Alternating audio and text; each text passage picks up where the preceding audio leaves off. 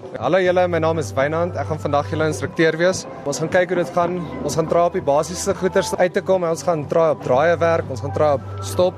Ons gaan op al die basics werk. So ons gaan hierbo begin. Ons gaan weer opwarm en want na elke keer wat jy geëet het, na elke keer wat jy gerus het, moet jy altyd stretch, altyd. So ons gaan met die strek oefeninge begin en daarna wat gaan ons doen? Na die strek oefeninge begin jy met die basiese goeders soos jy leer hoe hoe om die skies te beheer. Okay.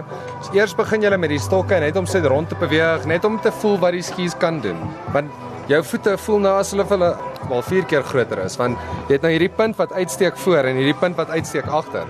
So jy gaan nou leer hoe om vorentoe te lê in jou boots. Teen die skoene te druk en dan gaan jy leer hoe om basies te stop. Okay, nou die stopposisie is die maklikste posisie.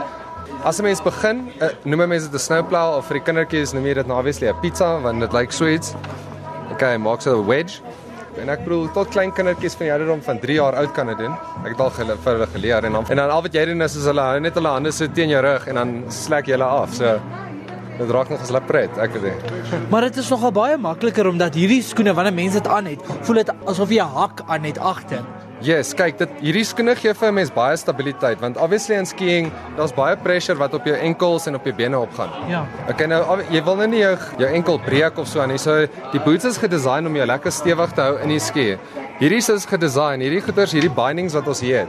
Hulle is geontwerp sodat as iets verkeerd gaan en jou in jou enkel twist verkeerd, laat sonder dat hy nou breek, skiet hy uit die binding uit. So in plaas van om te breek, skiet hy uit. So dis 'n safety mechanism. Dit is nou spesifiek die bindings op die ski. Yes. Daar's 'n hele paar brands. Kyk, oor die eeue het ouens almal verskillende skis ontwerp want jy kry jy kry hierdie wye skis. Okay, nou hulle is vir powder, hulle is vir off-piste wanneer jy nou diep sneeu ry. Ek praat van soos borsdiepte waar jy net wil glide. Hulle het amper soos 'n pisang shape onder. So al wat jy doen is as jy staan regop en jy gaan net in hierdie berge af op sagte sneeu. Hierdie is nou obviously harder, skerper op die edges stewiger want hulle is meer gedesign vir beginners en vir ouens wat bietjie vinniger wil gaan in intermediates, jy weet. En dan kry jy mense nou racing skis en daai goeders, baie van die instrukteure het hulle. Nou daai goeders is gedesign om baie vinnig te gaan.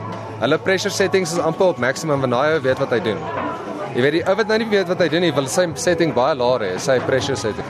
'n Instrukteur, rental ouens, hulle moet altyd vir 'n vir 'n meisie vra, "Hoeveel weeg jy?" Net om seker te maak hierdie is reggestel. Maar ek seker of van die ouens in rental het 'n goeie job gedoen en daai is reg. Behalwe dat jou voete apart is op die skis, wat is die verskil tussen ski en 'n sneeuplank ry? Kyk, die verskil is is op 'n sneeuplank basies wat gebeur is is jy draai teen die heuwel af en dis 'n onnatuurlike posisie vir iemand om in te wees want jy moet jou skouer inbring en dis waar skiing makliker raak. Maar nou kyk jy teen die heuwel af en al wat jy hoef te doen is vorentoe te lê, maar dis nie so maklik so wat dit lyk nie want baie ouens lê terug. En sodra jy terug lê weer eens, is jou jou wiel in die lug. Dis soos 'n fiets. En dan het jy niks beheer nie. Jy moet vorentoe wees op hierdie boots lê en jy moet hom stewig vat soos wat hy kom. Wat is die beste tegniek om te gebruik wanneer mens ski of die geheime tegniek? Wel, ek begin altyd die ouens met die basiese goeters. Ons gebruik die palle in die begin, maar dan vat ek hulle weg. Want ek is dit om balans te leer. Dit is vir balans en ek wil hê die ouens moet moet fokus op die gevoel van wat daar gebeur. As 'n ou nou iets in sy hande het om beheer te maak, dan obviously gaan hy dit nou gebruik. Jy sien, so dan druk hulle die palle hier tussen die skis in partykeer en so dis partykeer 'n bietjie gaas. Kyk, baie instrukteure het ander metodes, so hulle hou van die palle. Ek hou daarvan om die palle te gebruik as as guides. So jy gebruik hom in 'n stance hoe jy beweeg, daai tipe van goed. Definitief. Dit werk, dit werk soos 'n bom.